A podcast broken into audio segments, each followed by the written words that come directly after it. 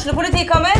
Ine Jansen er purk. Er du purk? The motherfucking bitch. Alt jeg vil, er å finne ut hva som skjedde med mannen min. Jon Carew. Er jeg sikta for noe? Iben Akeli. Det er du. Ole So, Lars Berrum og Big Daddy Karsten. Hvem sin side er du på, egentlig? Anette Hoff, Tone Danielsen, Kommer du fra Afrika? Jørnis Josef, Nesten. Kløfta. Trond Espen Seim, Det er synd å si det, men det var feil mann som døde. Purk. Premiere tirsdag på TV2 Play. Norvik Lillestrøm er eiendomsmegleren for deg som ønsker et enkelt, forutsigbart og lønnsomt boligsalg. Du finner oss sentralt plassert midt i Lillestrøm sentrum. Velkommen. Med lang erfaring og solid kompetanse hjelper vi deg med alt fra små servicejobber til oppussing av bad. Ta kontakt med oss på Skedsmo rørleggerbedrift. Vi bistår deg gjerne. Keiser fruktmarked har matvarer fra store deler av verden og jakter alltid på de beste råvarene. Kom innom og opplev alt de kan tilby fra den kulinariske verden. Din rørlegger og varmepumpeforhandler av Panasonic på Romerike Alltid Miljø AS. Vi tar oss av ditt bad. Kontakt oss for hjelp. Du lytter til fotballpodkasten Dødball.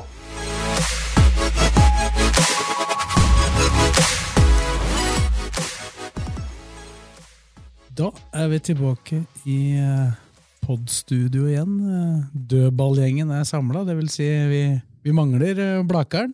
Jeg vet ikke, Tom, har du hørt noe, hørt noe fra London? Jeg så i hvert fall at laget hans vant. Sist han ringte meg faktisk fra London, så jeg veit han er i live. Han har jo vært der en 17-18 ganger, vel? 19? Ja, det er det. Og sett halvparten av kampa. Så jeg snakka med han en time før kampstart, så da var han i vater. Så det, Det så ut på Twitter som han hadde fått med seg kampen og i hvert fall resultatet, for han var fornøyd med 5-1, så da er vel alt vel. Så kommer vi nærmere tilbake til hans eh, domene, eh, lokalfotballen, etter hvert. Nå er det jo klart hvem som er klare for første runde, blant annet. Eh, Så er det noen av oss som har vært på Hamar. Noen har sikkert sett hva som skjedde på Hamar. Jeg vet ikke, Kristine? Hvordan var det å være blant de mange gule og svarte på tribunen der? Nei, jeg må jo si jeg tror vi har satt tilskuerrekord. Vi må vel ha vært nærmere 2000 gærninger som tok eh, tog og buss og bil og god knows what nuts inn til Hamar. Um, så det var over all forventning. Vi er faktisk velkomne tilbake også. Ja, så Det var bra tilbakemeldinger eh, fikk fra, på pressetribunen. Var det gode tilbakemeldinger før kampen, i hvert fall. Så jeg vet ikke hvordan det gikk eh, etter hvert som baklengsmåla rant inn utover førsteomgangen der. jeg så noe på YouTube i går. De marsjerte fra puben og mot uh, stadion. Ja, ja, vi, Og da så jeg Mykle først, som drev og dirigerte. Så tenkte jeg Kommer de riktig vei? nei, dette var avtalt med politiet på forhånd, så de hadde jo sperra veier. Vi fikk jo ikke lov til å gå den korteste veien til stadion, selvfølgelig. Så vi eh, var først på Heim, og daglig leder på Heim har meldt seg inn i Kanarifansen. Så vi er velkomne tilbake på puben også. Det er hyggelig. Det er ikke alltid. Det er definitivt ikke alltid. Tilbakemeldingen fra Flytoget er at vi er velkommen tilbake der også. Det er ikke sikkert vi ønsker oss like velkomne tilbake etter en togtur for noen år siden. Og hva de tenker på Briskeby, det veit jeg ikke, men eh, vi hadde det i hvert fall veldig moro i andre omgang. Så vi kommer gjerne tilbake dit også. Ja, Hvordan var det å komme i gang med sesongen igjen? Eh, Hadde jeg spurt deg eh, i pausen, så hadde du kanskje sagt at det var eh, helt forferdelig? Ja, jeg var ikke veldig blid i pausen. Jeg var jo ikke det. Jeg ga opp jeg, hadde ikke lyst til å være der lenger, egentlig. Jeg veit om flere som dro, og så andre omgang på puben. Jeg gjorde det selvfølgelig ikke det selv, men det var motløse fugler som starta opp andre omgangen der. Altså, for den første omgangen, den var Ja, det var under forventning. Det er greit at vi møter et sulten kammerlag som akkurat har rykka opp, men at vi skal være så dårlige, det hadde jeg ikke trodd. Så var det store spørsmålet etterpå om det var tatt ut feil lag. da, Karina. Vi hadde jo en runde her på laget sist. og Du tok vel ut det laget du håpa skulle starte, og det var ikke så veldig ulikt det som avslutta i andre omgang. eh, og Da, da ble det 0-2 til 2-2. Ja. Så kanskje det er du som burde vært trener, og ikke Bakke? Ja, det kan være det. Det er ikke første gang. Neida. Men jeg hadde vel både Knutsen, Helland og Adams, som jeg mente burde starte. Og Ja, Du hadde Røsler inne òg, og han starta jo Ja, han fordi at starta jo. Petterson ble skada. ja. Så um, Geir Bakke får ringe meg neste gang, så skal jeg gi noen tips. Hvordan så du kampen, eh, Tom? Nei, det møtte jo ikke opp. Det, Det var jo ikke så halvgærent de første ti minutta. Nei, men resten av første omgang er jo så forferdelig som jeg ikke har sett det siden begynnelsen av 2019.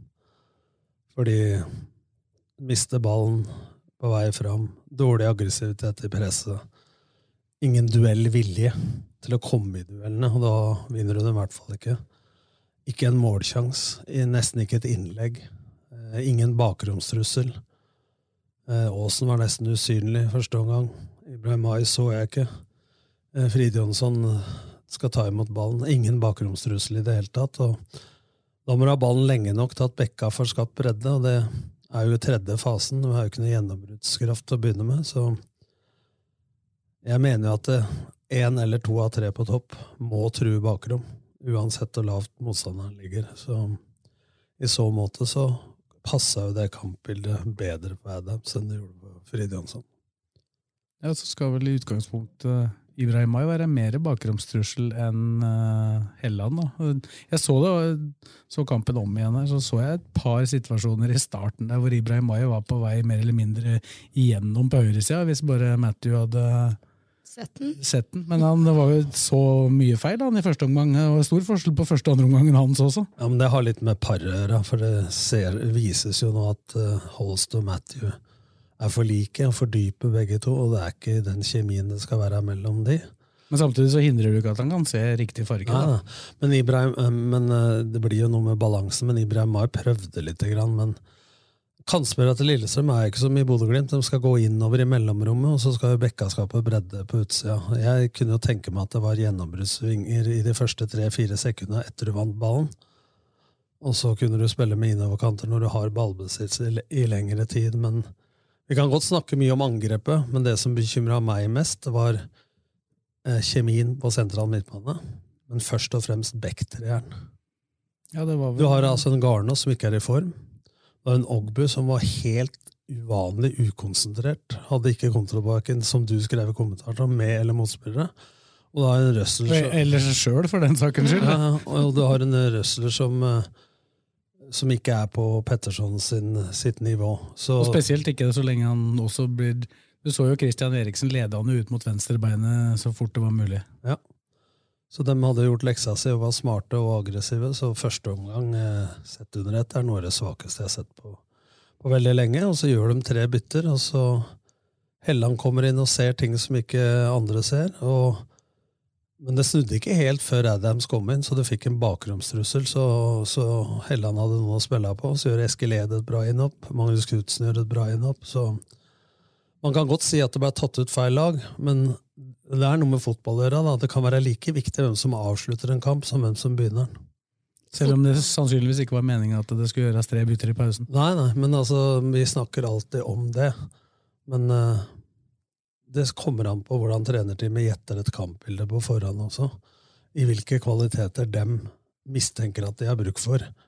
Når laga begynner å åpne seg opp, blir slitne og ikke er så godt organisert. Det kan være mange vurderinger bak det, men det var ikke med i vurderinga at det skulle se så mørkt ut, i hvert fall som i første. Og så har det vel vært et ønske om å få i gang eh, disse nye spillere her òg, og så viser det seg kanskje at de som var her i fjor, er på vel så godt nivå. Jeg tenker på Knutsen, litt sånn altså, Hadde det vært en vanlig to uker før kampen, så tror jeg at både Ed og, og Knutsen hadde vært mye nærmere laget enn det de var. Da, for De kom jo bare rett før uh, seriestarten. Ja, hvis du tilbake. sammenligner med Ålesund og flere lag, da, så er jo det litt modig, dristig eh, av Bakke og Myhre. fordi at uh, de fleste trenere, og sånn sjøl ville tenkt også, er at uh, du ville kanskje begynt serien med det du var sikrest og safest på. da. Ja. hvis du tenker de som du nevnte nå, opp mot de nye. Men det, er jo lett, det letteste er jo med fasit i hånd.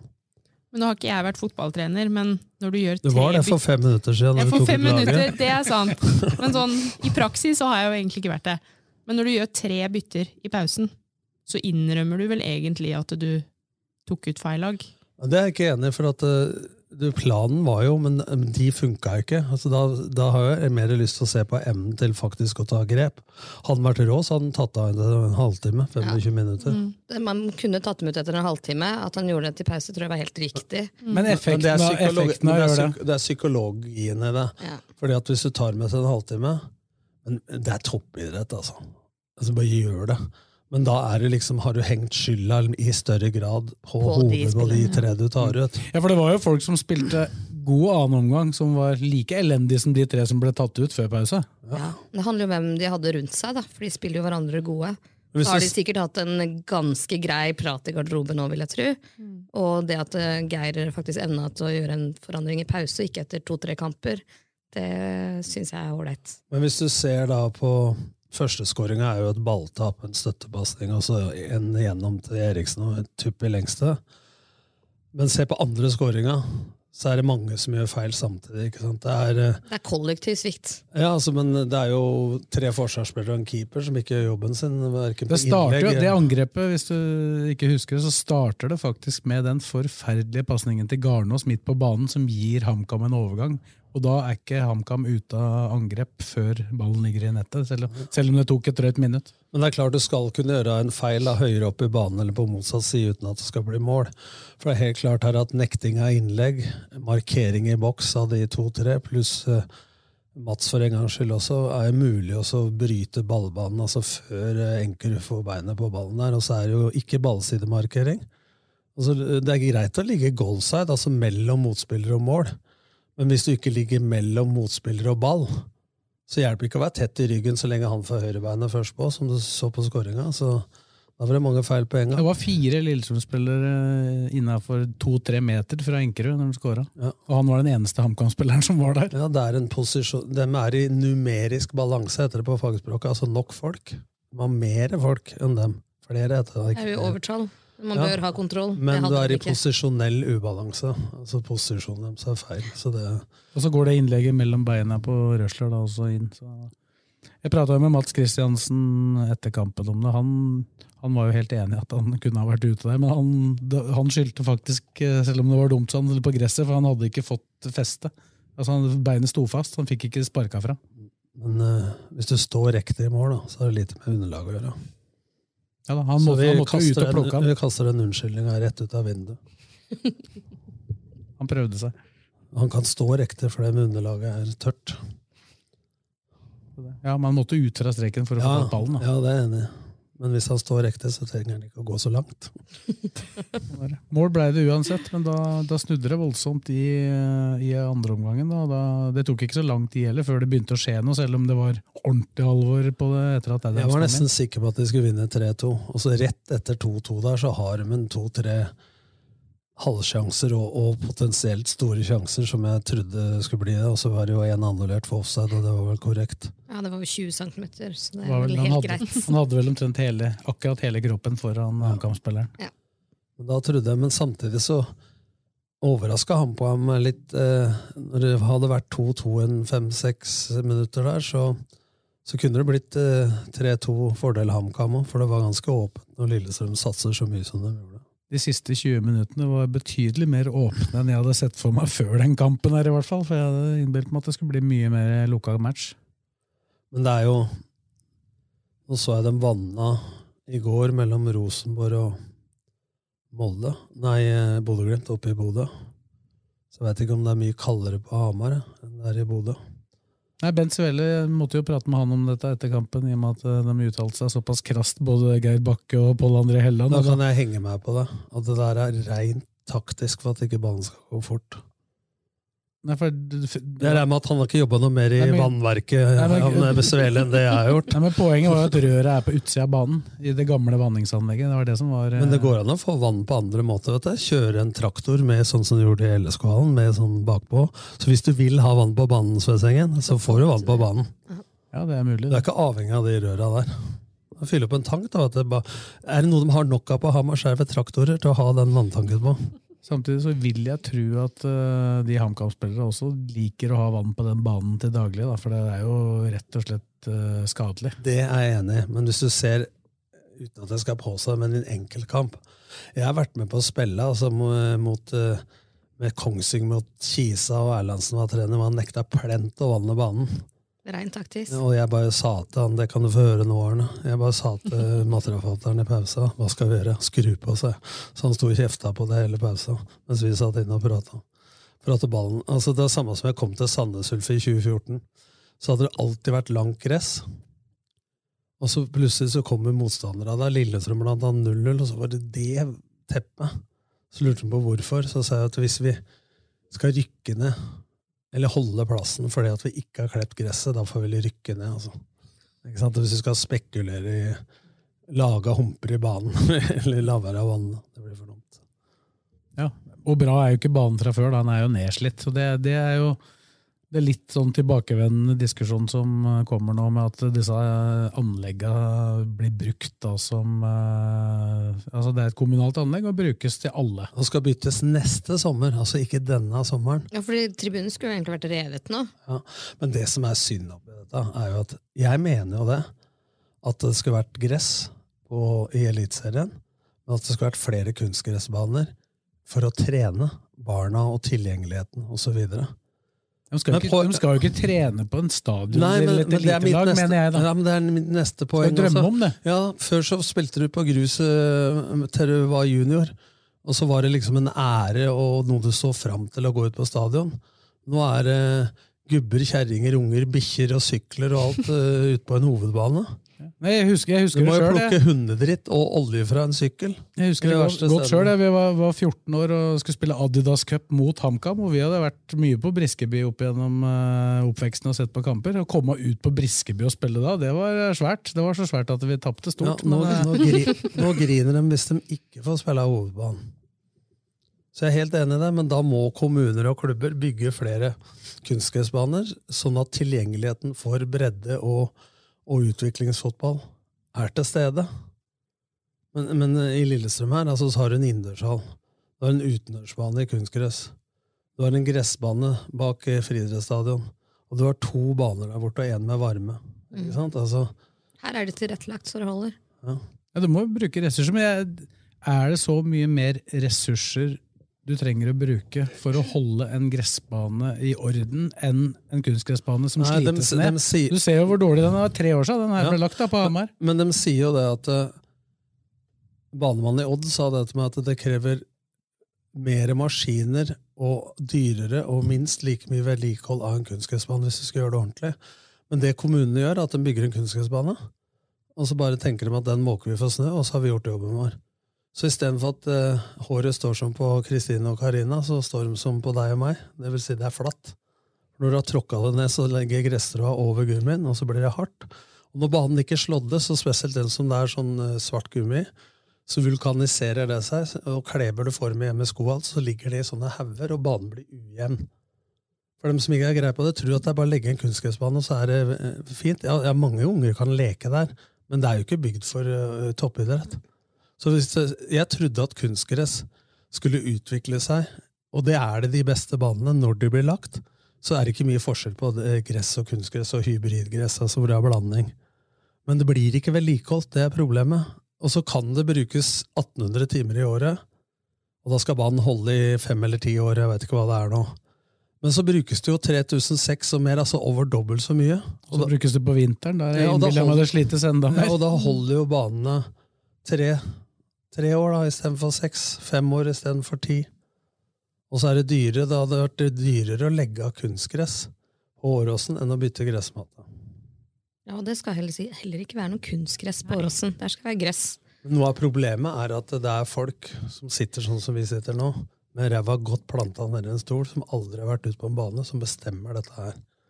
Når det er sagt, da, hvis de i tillegg nå ikke kan ha gummi, istedenfor å tenke på hvordan skal vi få gummien ut på banen igjen, og hvordan skal vi bli kvitt det uten at det havner i sjøen og overalt, så vedtar man bare at nå skal vi ha kork og noe sånn lavastein og så videre, og så fryser det. Så, blir steinharde ha- bruken, matter altså. som i Nardo. Du må snakke med folk som bruker det.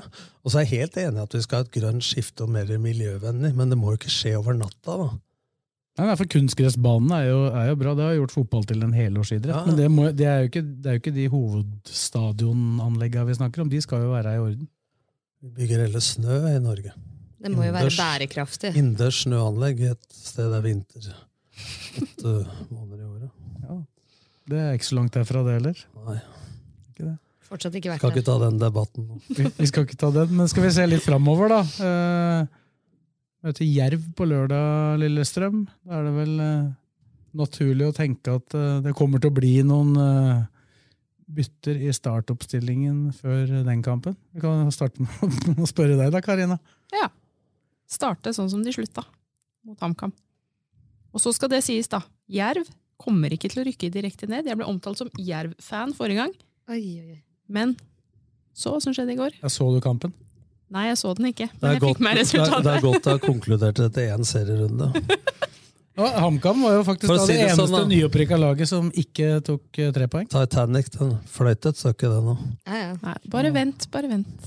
Nei, den, eh, den kampen til eh, Jerv mot Strømsgods i går, den Altså, der, det- der, der forteller ikke resultatet hele Nei, De hadde vel åtte sjanser i ett angrep, Strømskog også der. Altså, det var det rene flipperspillet inne i 16-meteren her, så var det én kontring. Altså, De hadde to sjanser, vel, eh, Jerv. Det er mulig at det er den flyten eh, Jerv har. da, for Hvis vi husker den forrige obligatoriske kampen de spilte, så hadde de ikke så rent lite flyt da Du heller. har ikke den flyten i 30 omganger. Så. Får håpe de ikke har de to heller. Du Neste, neste runde kan de godt uh, ikke ha det, men uh, fremover så kan de godt ha det. Men det er jo lett å tenke, da. Vet ikke hva du sier, Kristina, som Karina sier, at man avslutter med det som I hvert fall nærmere det det vi avslutta med, ja. Absolutt. Vi kan ikke starte med det samme laget som starta nå. Altså Den posisjonen det var nærmest å bli bytta, eller hvor det ble gjort å gjøre en endring før kampen sist, var jo Knutsen-Holst. Den er jo helt bankers. Men hva har, altså, hva har Holst egentlig prestert siden han kom? Han ble jo hausa veldig opp. Ja, jeg, jeg tror han er en ålreit spiller, egentlig, men han er litt for lik Matthew. Da. Altså, det, det blir ikke, Dynamikken på midtbanen der blir ikke optimal, i hvert fall ikke i kamper du skal styre. Mulig han kan passe, passe bedre i kamper øh, hvor de Han Det er var, ikke sånn så at- halvgæren, var ikke så halvgæren i Bodø, faktisk. Nei, For å si det sånn, da, hvis du skal sette opp vegg på et ekstra vegg hjemme i huset ditt, så trenger du en snekker. Men hvis dassen ryker samtidig, så trenger du en rørlegger. Men nå hadde vi to snekkere. Ja. Du trengte en av hver. Det er vel svaret på det. Ja, det eneste som er synd, er at det blir nok ikke samme ramma som det var på Hamar. Nei. Og det var jo det som var ekstra vondt. Har vi samla så mye energi, og så funka ikke det engang. Men der Men er ikke det litt typisk, hvorfor, da? men, de, men de som var der, kan ikke, hvorfor kan ikke alle de komme tilbake? Er det bare sånn at det, sånn fungerer det ikke? Nei, altså for det første har jeg vel ikke sett en eneste reklame for den matchen. Eh, vi som vet, vi vet. Men vi må jo fortsatt få budskapet ut der, at det faktisk er match på Men de 2000 som var på Hamar, veit at det er match. De vet, og så er det de av dem da, som skal på hytta i påsken, og som sikkert stikker allerede fredagen igjen. Eh, Og som bare ville ha med seg en togtur og festen, Men- men, eh, og det er eller- mange av dem òg. Men du sa er det bare sånn det er. Og det er jo min oppfordring at til supportere at det, man må jo støtte, og det er Kanarifansen flink til, da, gjennom året i tykt og tynt, og ikke bare lage sånne tre topper, altså Vålerenga, Rosenborg og en, en serieåpning. Og så, og så er det ikke så farlig. Liksom. Altså, jeg tipper jo at en hjemmekamp mot Jerv alle forventer, kanskje det er den type kamp du trenger mer støtte enn en andre som motivasjon ligger der. Også. det har, det ikke blitt kommunisert ut fra klubben at det er en av de kampene de satser på i vårsesongen, da, sammen med Vålerenga og Rosenborg selvfølgelig, og 16. mai mot uh, Sarpsborg, Men- ettersom jeg har skjønt. Men altså, nå var eh, kampen Men eh, ferdig. hvis, du ikke, har- hvis du ikke har sett noe reklame for den, så er jeg jo Ja, men, men, men hør da. Blir det riktig å begynne å reklamere for Jerv-kampen før HamKam har spilt? Nei da. Men har det skjedd nå, noe i nå sitter vi her mandag, kampen var ferdig lørdag. Kanskje vi skal gi dem en dag før vi tar fram øksa? Jeg halshugger ingen. Jeg vet at de er og deler ut flagg faktisk nå, her i sentrum. Sånn at butikken butikkene og sånn får uh, pynta seg til helga. Jeg vet i hvert fall at det er hun- 100 stykker eller noe sånt fra Lørenskog som har blitt invitert, fordi at LSK har fått låne banen på Rolfsrud. Så bra. Nei, jeg håper jo at eh, vi blir flere enn det jeg mistenker at vi blir. Jeg er litt redd for at vi blir sånn 4 maks 5000 på lørdagen. Så vær så snill, prove me wrong. Ja, det, Men det blir også Jo mer det snakkes om, da. For nå så jeg Det var på Twitter, men det var eh, Jostein Grinhaug i Haugesund og så Erling Moe som sto og var bekymra for utviklinga, vanskelig å få publikum tilbake.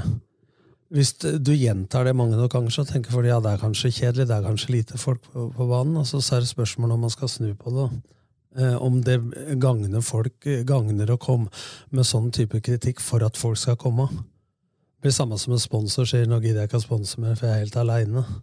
Eller skal du sponse for å dra med de andre? Altså, Hvilken approach ønsker du å ta? Den Ja. positive eller den negative? Det er jo litt å tenke på. Så da kommer dere på Jerv-kampen, og så drar dere på hytta på søndag. Ja, det er jo ikke verre enn det. Eller etter kampen. Det er fullt mulig. Fortsatt ei uke med påske igjen.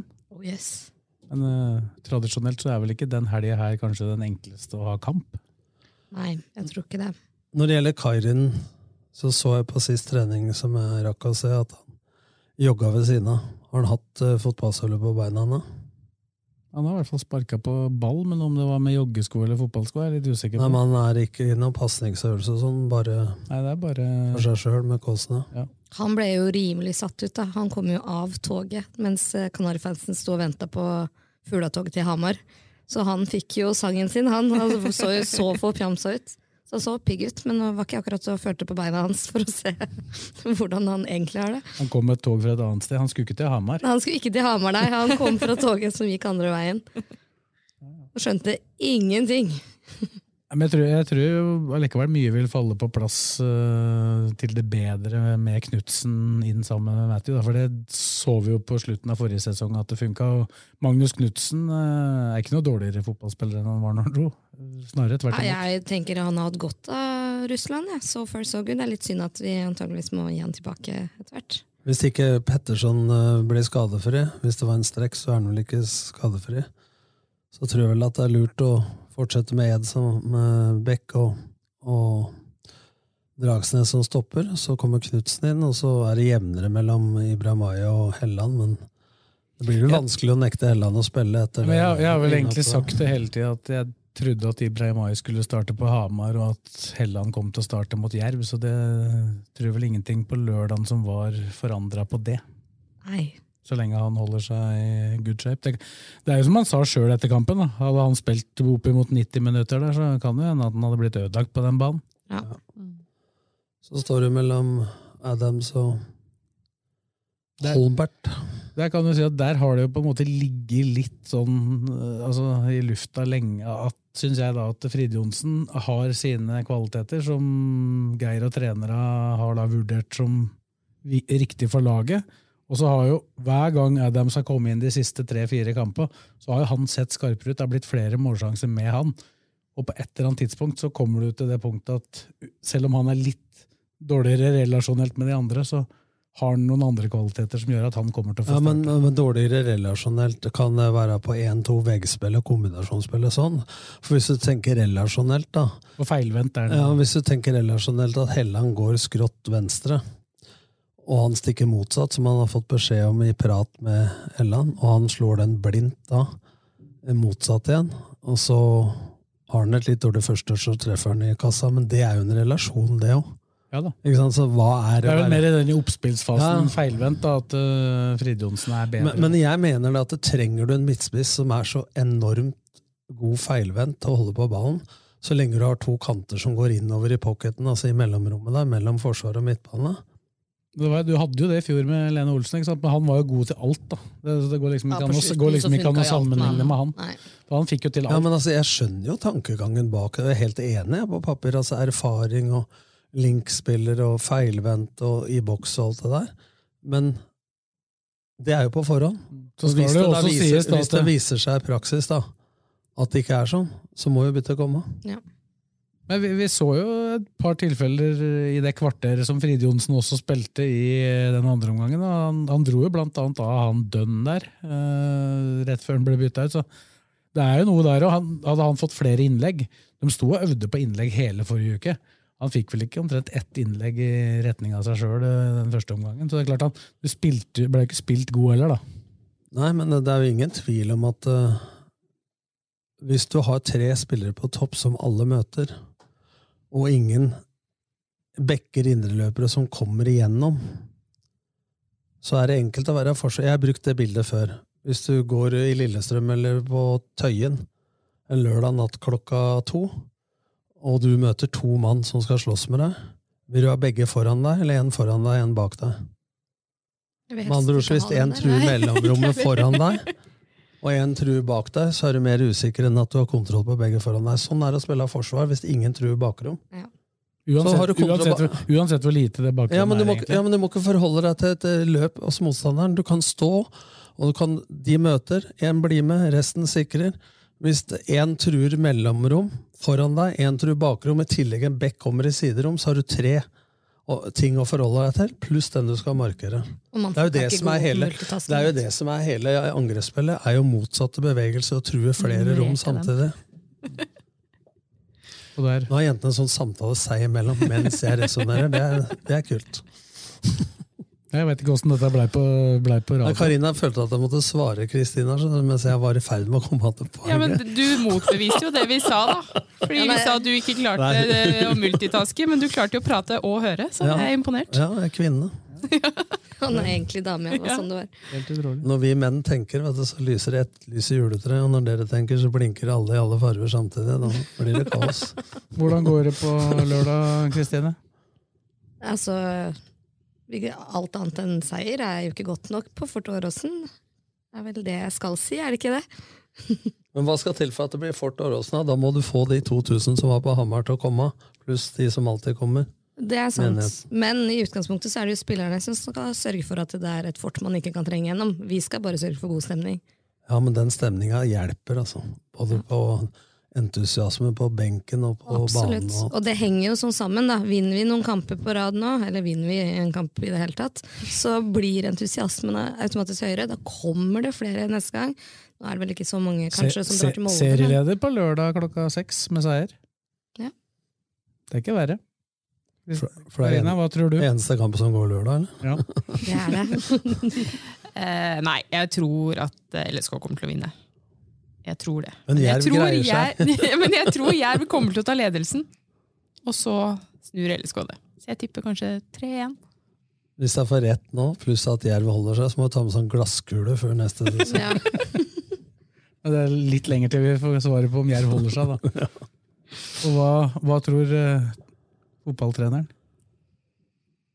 Jeg tror de vinner, men uh, det er sånn i de første rundene at uh, Får Lillestrøm det første målet, så tror jeg det kan bli forholdsvis enkelt. Men hvis det blir som Karina sier, så nå har de, Men samtidig så drar Jerv hit nå med å vinne en kamp ufortjent. Så de drar hit med enda mindre press nå da, enn de ville gjort hvis de hadde tapt første serierunde. For får du to, i, to smekk eh, som nyopprykka, så begynner tankene å komme allerede. Så så sånn Eliteserien til å begynne med, så, så blir det forholdsvis tøft uansett. Men uh, Jerv var jo et lag Lillestrøm skal slå på hjemmebane. Det er det ingen tvil om. Så er det jo bedre bra gjort enn bra sagt, er det noen som sa.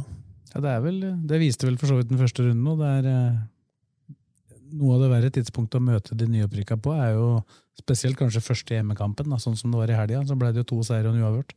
Men du så jo kampen Ålesund, Kristiansund, pluss da Strømskose mot Jerv. Så hadde jo altså Ålesund hadde så mye sjanser og så mye overtak, men det blir bare 1-0. Og Godset kjørte over Jerv i 75-80 minutter, men taper allikevel. Fikk rødt kort til og med. Ja, ja. En spiller som feira etter han har blitt bytta ut, og hadde et gult fra Jeg- før. jeg- jeg- jeg Da sa- går det an for Svein Oddvar Moen å bare lukke øya, altså, Ja, for det hadde ja, det ingen betydning. spesielt. Det er noe som heter regel 18 i fotball. Den heter sunn fornuft. Jeg så jo, Den er ikke norske jeg så jo den kampen, jeg, og så hva som var i ferd med å skje på Levemyr der. Og så så jeg at Salvesen sto klar til å bli bytta inn. Da gikk jeg inn på oddsen, og så bare sjekka jeg oddsen. Da var det 3,45 i odds på at Godset skulle vinne. Der gikk jeg inn. Gikk det, var det en corner som ble slått. Kontring på corner, 1-0 Jerv. Og femoddser'n inne. Nice.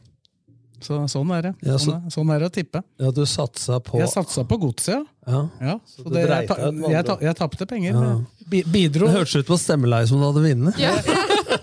Du, du føler, du føler, jeg, jeg følte at jeg bidro til at Jerv vant, faktisk. For det er jo klassisk når jeg går den ene veien, så blir, går jeg andre veien. Sånn er det. Klassisk jinxing. Det er derfor jeg aldri tipper på fugla. Men sånn der jinxing og antimanning, det er sånn der Lillestrøm-Romeriks-greie. Altså. Skjønner ikke hva du mener. Fins det en optimistisk LSK-supporter? Nei. Skal vi ta oss av eh, det damene presterte i helga, da, Karina? Der eh, må jeg vel innrømme at jeg trodde at de skulle få kjørt seg ordentlig mot Brann, men det blei bare 1-0. Selvfølgelig sitter de igjen med akkurat like få poeng som de ville gjort hvis de hadde tapt med mer, men eh, prestasjonen var Jeg også, trodde, jeg også trodde at det kom til å bli stygt.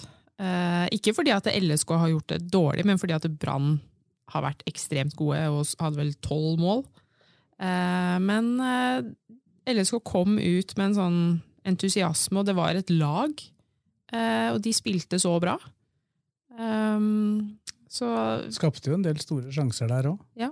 Det, var- gjorde for så vidt bra nå, da. Ja, så det var jo for nøytrale tilskuere og seere, så var det en veldig seervennlig kamp. Det var spennende. Ehm, men så skjedde det litt, det blei litt skader og måtte Ble det noe forskjell etter Ina Gaustad måtte gå ut? Ja. Ble, jeg følte at da blei det litt mer usikkerhet. Ikke det at Cassandra Lytke gjorde noe dårlig eller noe feil, eller noen sånne ting. Men det ble altså Ina Gausdal og Malin Brenn. Altså der har du jo kanskje, som du sa forrige gang, et av toppseriens beste eh, midtstopperpar. Eh, så det vil, og i den fasen av spillet hvor det på en måte det gikk så mye frem og tilbake, så er det klart at at Ina måtte ut, eh, hadde nok litt å si. Og kanskje var det ikke riktig å bytte ut Thea Kyvåg heller. Eh, ville kanskje heller byttet midtspiss, altså Jakobsson. Nå har jeg først tatt ut laget for Bakke, så nå tar jeg det ut for damelaget òg. Neste år så er du trener. Det Ja. er sånn coach opp, da. Det er bra, Karina. Vilja kan trene begge laga. Ja, ja, ja, ikke noe problem. Det er herlig, da. Nei, men eh, veldig imponert, eh, og selvfølgelig surt at det avgjøres på den måten. Med en straffe på Var straffa klar? Dere som så Så, det? så ut som han var grei. Altså. Er på ball, men Også minst, spiller. minst like mye på spiller, tror jeg. Ja, så det var litt vanskelig å se. Det var rett før slutt òg. Ja. Fem minutter igjen eller noe sånt. Og debutanten, gjerne da det skjer. Ja, og debutanten, så hun var jo kjempelei seg. Hvem er det? Hun Fiona Engelsk. Engelsk. Wards eller Wards eller et eller annet sånt. Så hun var jo kjempelei seg etterpå. Hadde vel ikke vært borti ballen så veldig mye før den taklinga der. Røff start. Ja. Men er hun, for, hun er ikke forsvarsspiller? Kant. Nei. Kant spiss, i hvert fall. Ja. Så hun var jo der nede sikkert for å bare hjelpe til, og så blei det bare Ble litt ivrig i den taklinga, da. Ja. Så veldig synd, fordi LSK hadde fortjent i hvert fall ett poeng. Ja. Eh, Men eh, de viste at de De er å regne med i år også. Men samtidig går det an å bruke det til noe positivt òg, selv om det sikkert var surt søndag kveld. Ja, og jeg snakket jo med både Slatleim og Spored etterpå. Eh, Og de var jo Ja, det var en todelt følelse, som de sa. De var på en måte veldig stolte av det de hadde fått til, samtidig som de ja, Jævlig surt, som Slatleim sa. Men de har jo vist at de kan spille jevnt med favoritten. Da. Så, så du ser bak resultatet, da, som du sier, så, så er det klart at det må de prøve å bygge videre på. Det er alltid lurt på sånne, sånne slitte uttrykk. Vi må ta med oss dette inn i neste kamp og bygge videre på det. Og når jeg begynner å tenke meg det, tenker jeg åssen i helvete gjør man det? Jeg vet ikke om det var noen bergensere som hadde uttalt det, eller hvem som hadde, men jeg så en eller annen overskrift i forrige uke om at de mente at Brann var det beste laget som noen gang hadde vært i toppserien. Jeg vet ikke om det stemmer, jeg, men eh, hvis, hvis det stemmer, da, så var det jo i hvert fall et uh, tegn på at det ser brukbart ut. Ja. Nå har jeg sett en del toppseriekamper, i hvert fall de tre siste årene. Eh, og Brann er eh, gode. Eh, men Men det var LSK kvinner i går også, Ja, altså. men jeg skal si Og da LSK kvinner hadde Guro Reiten og Ja. den gjengen der, så var de ganske det er lett å bli Ja. litt historieløs, og så det finnes noe Har Askelag ikke i de gamle vært dager. ganske så- overlegne? liksom, Det beste svaret på det får vi vel eh, ja. når de kommer ut i Champions League, da. Der er det jo litt på en måte der du blir målt. Ja, De skal ut i Champions League, og da vil nok LSK kvinner ha en fordel igjen i sluttspillet. For da blir det kanskje slitasje og annet fokus på Brann og Rosenborg. Så da vil LSK kvinner kanskje Så sånn sett så var det ikke den viktigste kampen mot Brann. Men eh, Gausdal som eh, da gikk ut, da, har du noe Ja. jus der? Eh, Jeg fikk sendte melding med henne rett før vi gikk inn her i dag. Og hun tror at det er hamstring, altså at det er slått opp den skaden som hun pådro seg på første leir på Marbella. Men det kjennes bedre ut enn sist, så landslagspausen kom godt med. Den som kommer nå. Så hun Den, håper men den er bare på to uker. Ja. Men det er klart Nå Når hun spilt to, to omganger, Tre. tre, og de har to Men hun starta jo ikke den første heller, da. Nei, for hun har jo slitt med det her egentlig siden Men de har vel gjort det sånn nå at eh, hvis du hadde sagt før sesongen, så er de vel på pari nå, etter tre runder, hva du kan forvente. Ja, de har seks poeng. Ja, Ja, så det var jo ikke forventa at de Nei, skulle det er ta poeng i på søndag. Det, var Det hadde vært et bonuspoeng sånn sett eh, Ja. mot Brann, tross alt. Men når prestasjonen var så god, så skjønner jeg jo at de sitter igjen at det er surt. Fotballpodkasten Dødball er straks tilbake. Rønne Selmer, din forforhandler på Romerike. Vi støtter Fula. Du finner oss i Hurdalsgata 23, kun en langpasning fra Åråsen. Med lang erfaring og solid kompetanse hjelper vi deg med alt fra små servicejobber til oppussing av bad. Ta kontakt med oss på Skedsmo rørleggerbedrift. Vi bistår deg gjerne. Norvik Lillestrøm er eiendomsmegleren for deg som ønsker et enkelt, forutsigbart og lønnsomt boligsalg. Du finner oss sentralt plassert midt i Lillestrøm sentrum. Velkommen. Keiser fruktmarked har matvarer fra store deler av verden og jakter alltid på de beste råvarene. Kom innom og opplev alt de kan tilby fra den kulinariske verden. Din rørlegger og varmepumpeforhandler av Panasonic på Romerike Alltid Miljø AS. Vi tar oss av ditt bad. Kontakt oss for hjelp.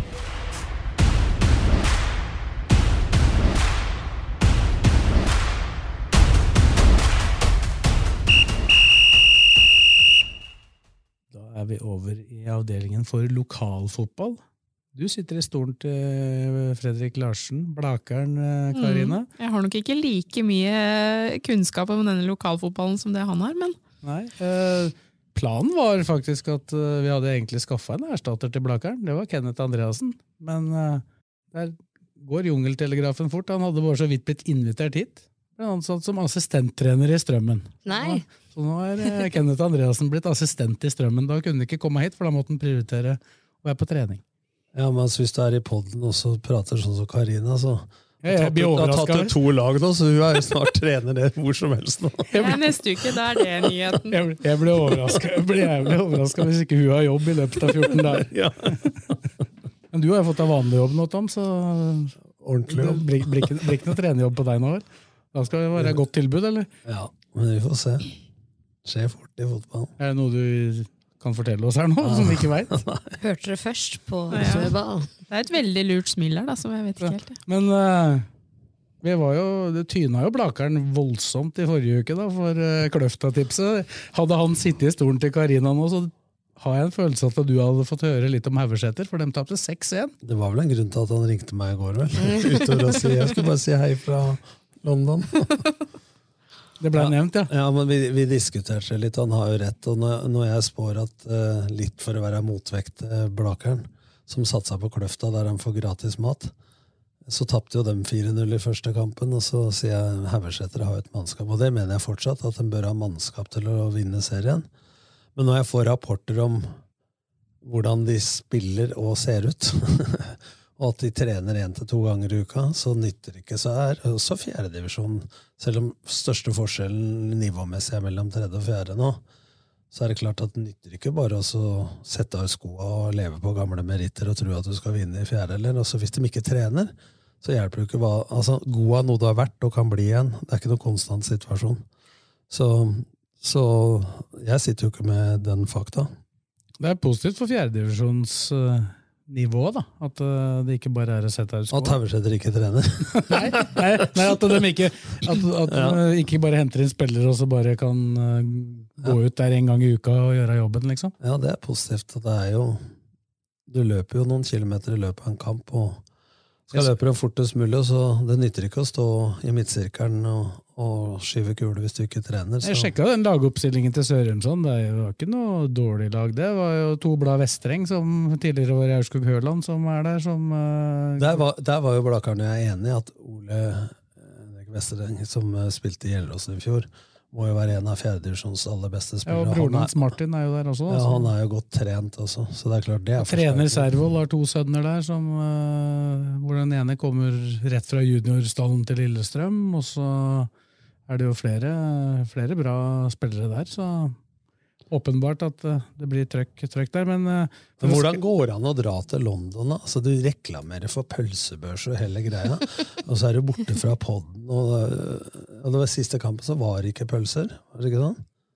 Var Ja, ja, det er Sø? Sørumsand eh, kan, Hvis det er noen som lytter fra Sørumsand, så er det på tide å skjerpe seg der. For han skulle dit og sjekke kiosken i forbindelse med kampen mot Haugeseter. Ja, han Kiosken var ikke åpen. De får én sjanse til, ellers er det terning én. Ja, for Han sa at han, eh, han dro dit for å se en halvtime, for de skulle møte Flisbyen klokka ni. Ja, samme det er riktig, det.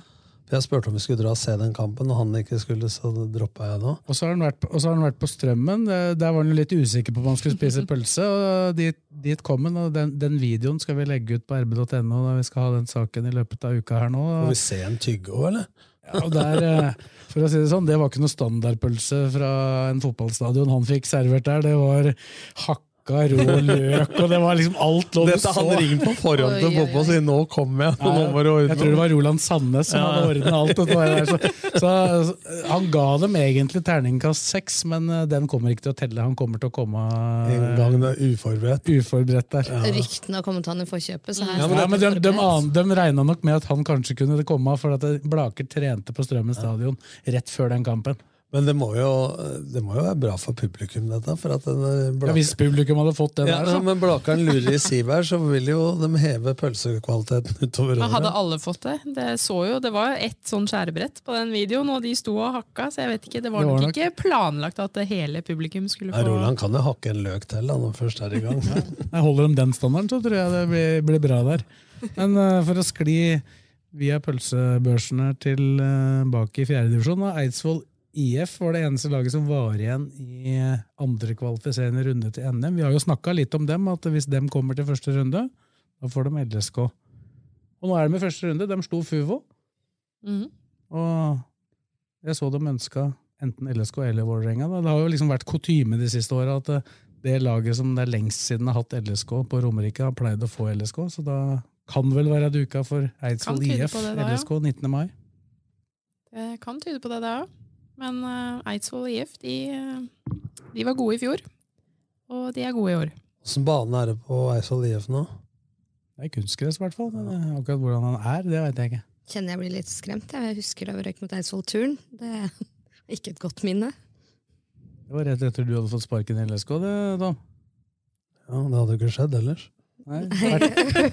Bertheussen skjøt det hardeste tilbakespillet som noen gang er slått på myrer, antagelig, via huet på Otto Fredriksson og inn. Det var tre dager etterpå, det, tror jeg. Ja. Det var eh, effekten. Effekten, ja. Den, den vanlige effekten. Den vanlige effekten. Og så er jo da også Lørenskog og Skjetten klare for første runde, de som var i kvalik. Mm. Det- De håper jo på LSK, de òg. Ja, det men det er litt, litt kortere tid siden begge dem hadde LSK, så det er vel litt mindre sannsynlig i utgangspunktet. Ja. Ja, sist jeg var på Skjetten LSK, så ble jeg gaffateipa. For det var ingen som syntes det var kult at jeg heide like mye på Skjetten som på LSK. Ja, så du fikk kjørt deg der? Ja, ja, jeg er jo skjettenjente, da, så jeg er jo, sto med Skjetten-flagg og elsker skjerf. Det- Du vil sånn kanskje ha. Skjetten Vålerenga, du, da? Isteden? Ja, da kan jeg jo virkelig bruke alt kruttet på å heie fram Skjetten, i hvert fall. Uten at noen blir sure. Og så er det jo da Gjelleråsen, Gjelleråsen er jo klar for første runde. De spilte slapp kvalik, og det samme gjorde jo de tre laga i, i Post Nord. da, Ullkisa, Strømmen og Eidsvollturen. Eidsvoll-turen. Så de er også klare sammen med LSK. Det oppsettet kommer vel om ikke så altfor lenge, men det er, Skulle ikke, komme neste uke. det er ikke før 19. mai kampa går, så det er jo relativt god tid tross alt. Skal vi hoppe rett over på annen og tredjedivisjon, for der er det seriestart uh, kommende helg. Kan jo begynne i annendivisjon, da. Og der uh, avdeling én, der er det Strømmen som er uh, den ene lokale representanten. Uh, de slo Ullkisa i helga. Der var du, Karina. Der var jeg. Jeg var der òg, jeg. Ja, Overalt. Tok du et ut laget der òg, eller? Nei, det gjorde jeg ikke. For der var det veldig mye nytt. Eh, Men Der hadde du kanskje mer enn nok med å lære navnene på de som spilte, i hvert fall på Strømmen. på Strømmen, ja. For der var det mange nye. Men det er klart, skal på kickoff på onsdag, så kan det hende jeg kan gi Casey noen råd. Der er jeg invitert òg, faktisk. Ja, du er det, ja. Nei, det er jo omtrent, omtrent, omtrent uh, halve ekspertpanelet vårt og alt er jo involvert i strømmen. Og Casey Wehrmann, som vi har brukt som eh, ekspert innimellom i Studio Åråsen, han er trener. Kjetil Rydje, som er vår ekspert, han sitter i styret. og nå prøvde vi da å invitere Kenneth Andreassen, og da ble han assistenttrener. Jeg vet ikke hva du skal gjøre der, Tom? Du har jo vært, eh, vært strømmentrener før, og du var to, på vei inn en gang. To ganger har jeg vært strømmetrener 90-91 og 95-96. Og så var, det, var det nesten. Ja. På et tidspunkt. Hvor mange år er det sånn, da? Det var vel 20, Hva mens Olsen var trener? Ja, 2016 17, 18, Jeg husker ikke. Da ble det i hvert fall fire årsmøte? Ja, det var publikumsrekord på årsmøtet. Over 300. Det har vært 300 til sammen de siste 20 åra. Nei, så, men Strømmen da, de er jo avdeling med As er. Asker. Nei, nei, Arendal og Egersund er vel det laget som kanskje ja. tenker at det er uh... Og Egersund har penger. Og Egersund leda i fjor. De rykker jo aldri opp. Foran Skeid altså, med, med ni poeng. Tre kamper igjen? det Tre kamper igjen. Og greide å tape mot Rosenborg 2, som uh, Skeid slo 11-0, eller hva det var. Han Abel Stensrud skåret seks mål.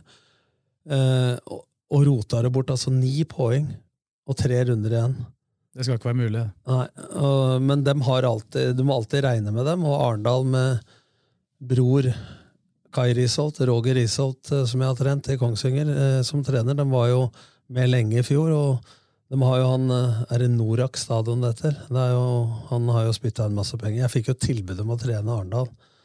I pausa. Nei, når vi varma opp. Det var mens du trente Skeid? Ja, vi trente Skeid. Jeg skulle møte dem i siste kamp før ferien.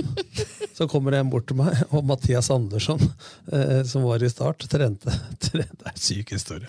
Han trente, trente Arendal, og vi drev varma opp, som en som dro med armen. Og så ville han møte og- om å trene laget, mens han Mathias sto og varma opp laget igjen. Og så vant vi, da. Og så sparka dem han, men så kom de eh, Jeg var på ferie på gården i Skien og kom hjem til meg og tilbød meg kontrakt der, så det er vel den høyeste lønna noensinne eh, man har hørt om i, i andredivisjon, tror jeg. Da leda vi jo serien med ti poeng foran Arendal, så jeg bare svarte jeg skal rykke opp med Skeid. Det gjorde vi. Ja. Det var 2018. Så hvis jeg hadde gått etter penga, da, så kunne jeg trent Arendal. Men Arendal har jo vært oppe, men de har vel ikke vært oppe etter det? Nei.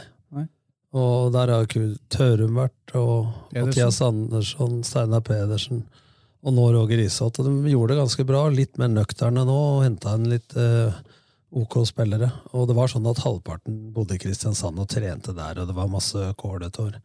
Så Arendal må du regne med, eh, sammen med Egersund. Så og nå gjorde Strømmen det bra i generalprøven, da, for alle har jo avskrevet Strømmen, men eh, vi får se.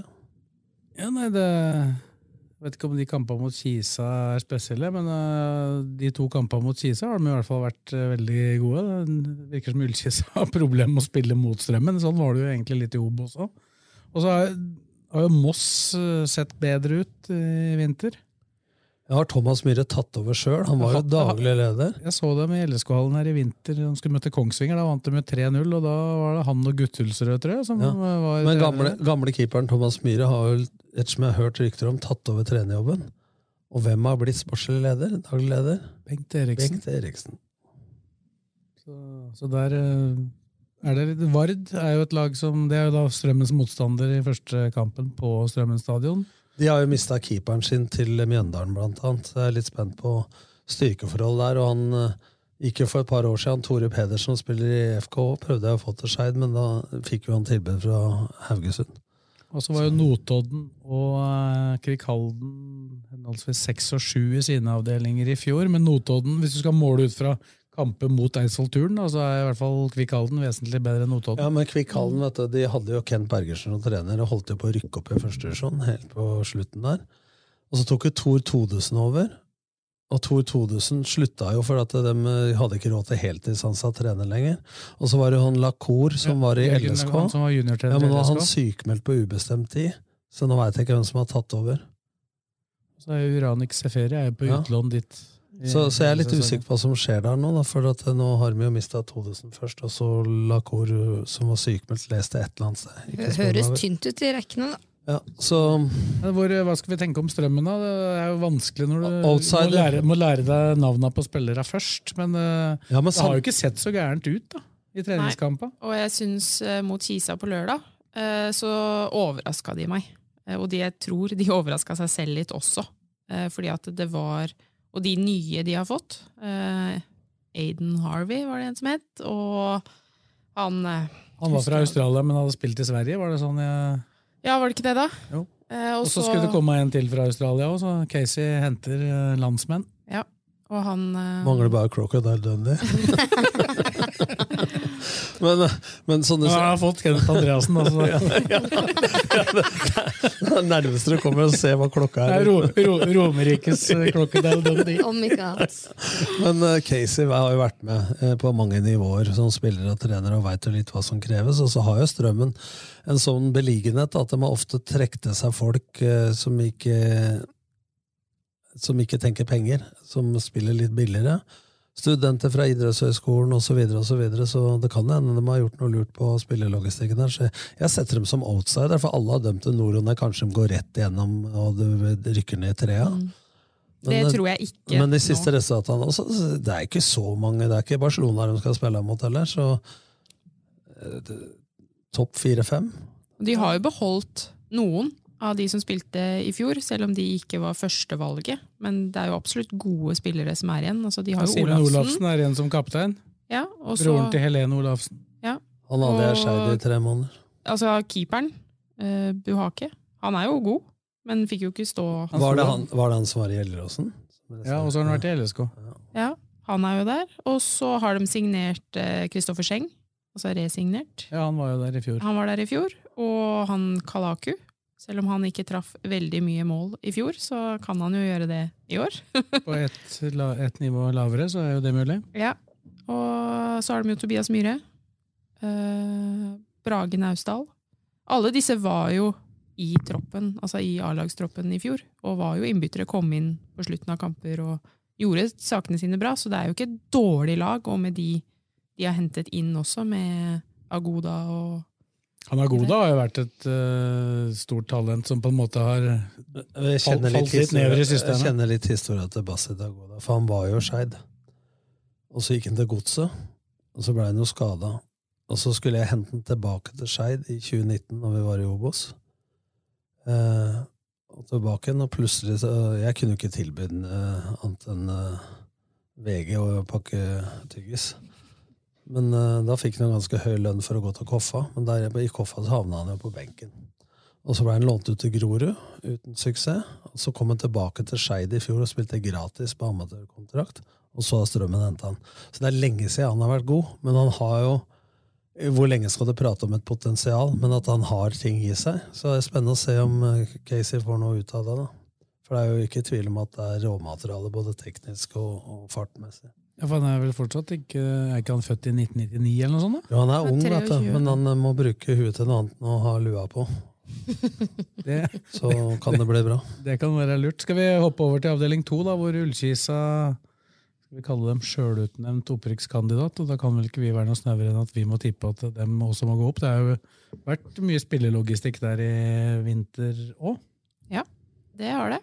Eh, og selv om de ikke fikk den generalprøven de håpa på og ønska, så er det klart at eh, man kommer ikke unna Kisa. Eh, de kommer nok til å rykke opp, men som de sier selv, eh, det blir tøft, for alle skal slå de. Absolutt alle, så som de Men nå har de jo henta inn han fra Åsane, Thomas Christoffersen. Fikk jo debuten sin, spilte på lørdag. Da blir de farlige på frispark. vet du. God dødballfot. Da har de Ja. erstatta Henrik Kristiansen på det området, for han Ja. var jo en meget god dødballfot fra før. Ja, og alle disse Så det er et ungt lag, men det er klart når de får tilbake Stian Ringstad og Steffen Jensen, så får de inn rutinen der. Eh, Sondre- Ibrahim. Ja, han var syk. Eh, Så, ikke sant? De, hadde jo, de spilte jo nå på lørdag uten Ringstad, Jensen, Ibrahim, Mola og Da fikk jo Ola fra De lånte den i fjor. ikke sikkert han er i førsteelveren, da. Nei, men Men de fikk jo han fra Koffa. Så har vi Henning Andresen, som jeg hadde i Skeid. Han var jo der i fjor òg. Altså, de trener på dagtid, hadde over 20 millioner i budsjettet i fjor. Tror ikke det er noe spesielt lavere i år. Men de kunne ikke gjøre de investeringene administrativt osv. Han er soleklar opprykkskandidat, og det ville være egentlig en liten skandale hvis de ikke rykker opp. Mm. Selv om det er ikke bare å bestille et opprykk, men altså, de er så klare favoritter som det går an å få blitt. jeg klarer ikke å se hvem som på en måte skal stoppe dem. Skal vi vurdere tabellen dem. fra i fjor, da, så var jo Hødd eh, det laget som var desidert nærmest Kongsvinger i fjor i den avdelingen. og Asker ble jo nummer tre, med litt mer gleppe opp til Hødd. Men det er litt spennende. altså Asker det er Vegard Skogheim 4-3 og den type fotball, og dem kommer til å være med. Eh, Men så har du jo da Hødd, da, med Dragsten fra Turn og, og Heiberg fra Gjelleråsen. Dragsten var jo Skeid når jeg var der, på ju- juniorlaget. Og Eiberg var jo litt mentor for de åra han var i Gjelleråsen. Så der blir det jo spillestilen til Hødd. Hvis de skal spille sånn som Gjelleråsen og Turn spilte, så er jo det ganske motsatt av hva Kevin Knappen, som hadde Hødd, som nå er i Bryne, eh, spiller. Så der blir det jo en omveltning på spillestil. Men det er jo klart at Hødd også har ressurser, men har jo problemer med å til, tek, til seg spillere. Der så må de betale ganske mye lønninger, for de ligger jo ikke akkurat eh, Og de ligger i the middle of nowhere, for å si det sånn. Så hvis du er glad i jakt og gikk fisk og natur Gikk jo ganske bra med Varg. ja. Arnold Origi var der òg. Så det er klart, Hødd er, eh, Hødd er jo en Og Asker er nok utfordra. Og så, er det to lag som endte på fjerdeplass i fjor, Levanger og Tromsdalen. Og så snakkes det om at Kjelsås uh, har tatt noen steg. De har jo blant annet signert uh, nevøen til uh, Tommy Tass, Nikolai Solberg fra LSK. Han var jo aktuell egentlig for alle de tre Romeriksklubba, Strømmen, uh, Kisa og Eidsvollturen. Ja, hadde han gått eh, strømmen, så hadde han vel blitt arveløs. Ja, men det er klart. Ingen forskjell. Men da men da hadde han men da hadde han spilt fast, da. Ja. Nei, så, men Levanger, altså, det er jo litt eh, gjennomtrekk av spillere. Tromsdalen veit du aldri hvor har en, men eh, det kommer til å være topp seks. Men jeg tror nok Asker, Asker Hødd og Kisa er for meg topp tre i denne avdelingen. Så da blir det spennende å følge. Skal vi hoppe over på tredjedivisjon, da? Der Ja, turen. øh, ja, turen må vi jo tippe, Ja. selvfølgelig. Glemte jo turen her. De er ikke i tredjedivisjon, de er i annen. Eh, De har ok treningsresultater. Hadde en veldig god sesong i fjor.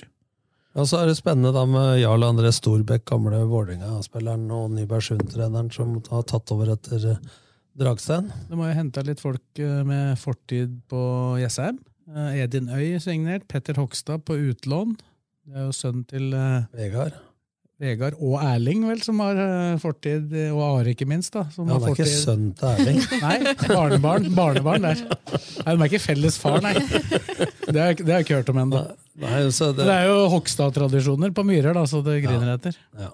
så de kommer nok til øh, Og de har vel også beholdt Den ble jo nummer åtte i fjor, men de lå jo liksom De har jo mista, mista Kolbjørnsrud, da, venstrebekken. Ja. Det er et stort tap. Ellers har hun beholdt uh, laget. Så det blir jo spennende. Den kommer til å være oppi der, men uh, Kisa er klare favoritter. Og da vi, kan vi bevege oss over i tredje. Der var jo Gjelleråsen det laget som var desidert nærmest Gjøvik-Lyn i fjor, og som vel kanskje hadde rykka opp fra de fleste andre avdelinger i tredje divisjon. Lørenskog sånn midt på treet. Bør ikke de to være med i toppen, og kanskje være de to som kjemper om uh, Ja, nå har ikke jeg oversikt over avdelingen, men jeg har lyst til Det er nordlandsavdeling stort sett, da, pluss at uh, det er uh, fire annetlag, da, inkludert LSK2. Det er Godset 2, Mjøndalen 2 og Tromsø 2. Og så er det Bossekopp, Fløya, Harstad, Mjølner, Senja og Skjervøy. Der høres vel kanskje Mjølner ut som det mest Men, uh, eh, tradisjonsrike laget. Det er mulig å være med i toppen i den avdelinga der. Altså, det er jo ofte, hvis det ikke er for lang busstur, så er det ofte lettere å ta fly fra Gardermoen da, for Gjelleråsen enn å kjøre buss eh, halve Østlandet. Men jeg er spent da på uh, Bent Inge Johnsen, som er trener, skulle være assistent for Heiberg. Uh, kom fra Lyn, har jo hatt Gjelleråsen før. Han er jo mye han legger mer vekt på det offensive enn Heiberg. da. Altså Heiberg er jo veldig opptatt av struktur, og sånn, så jeg er litt spent på hvordan det vil se ut bakover uh, på Gjelleråsen. Og så er jo Heiberg kanskje litt eh, han, kan, han skulle jo besøke meg i, ferien.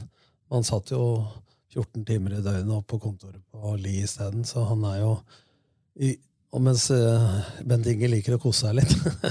så det er litt to forskjellige typer, og det kan da slå begge veier. Mm. det der, men det er jo to fo De skulle jo egentlig ha jobba sammen, det var Ja. det som var den opprinnelige planen. Ja, altså Det er gode fotballhoder begge to, men jeg er jo litt spent på har ikke jeg fulgt med på hva de har fått tilsig av spillere. De har jo gamle vingen min fra Skeidar Moss, men han var jo der i fjor òg. Men det var jo en halv sesong og mye korona, så det er ikke lett å se, se utenfra hva som har skjedd da i den perioden. Bent, Bent Inge gikk sine første år på skolen på Kirkenær barneskole i Grue kommune, så det er nok, han har fått en god start, i hvert fall. Så egentlig har det gått, har det gått bra, men tross alt.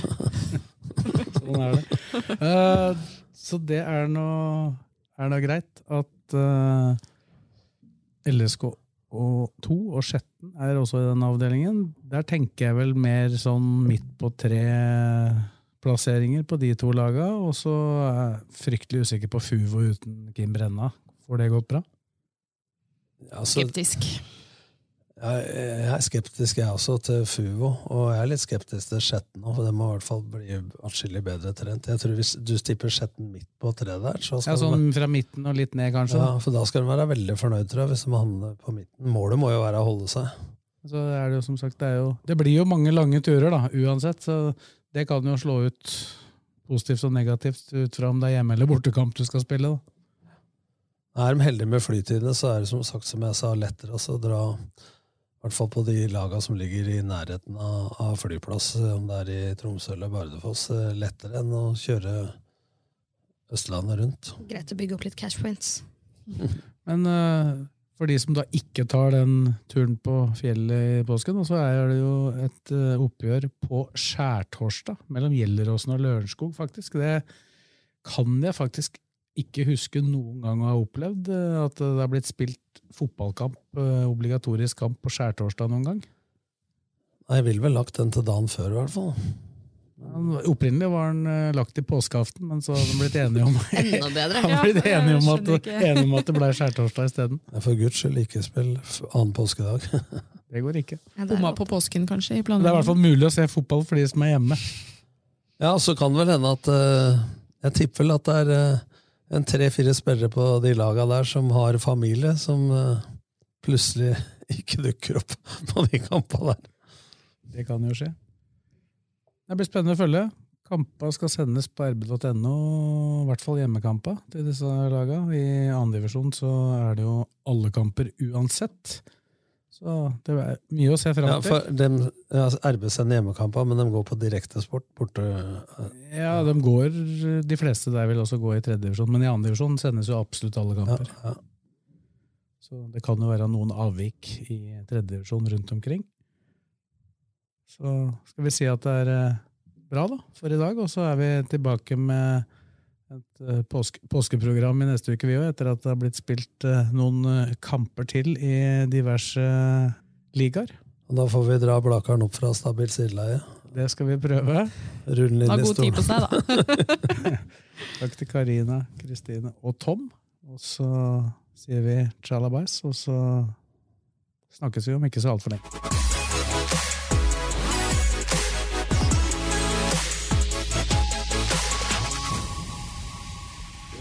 Rønne Selmer, din forforhandler på Romerike. Vi støtter Fula. Du finner oss i Hurdalsgata 23, kun en langpasning fra Åråsen. Keiser fruktmarked har matvarer fra store deler av verden og jakter alltid på de beste råvarene. Kom innom og opplev alt de kan tilby fra den kulinariske verden. Norvik Lillestrøm er eiendomsmegleren for deg som ønsker et enkelt, forutsigbart og lønnsomt boligsalg. Du finner oss sentralt plassert midt i Lillestrøm sentrum. Velkommen. Med lang erfaring og solid kompetanse hjelper vi deg med alt fra små servicejobber til oppussing av bad. Ta kontakt med oss på Skedsmo rørleggerbedrift. Vi bistår deg gjerne. Din rørlegger og varmepumpeforhandler av Panasonic på Romerike Alltid Miljø AS. Vi tar oss av ditt bad. Kontakt oss for hjelp.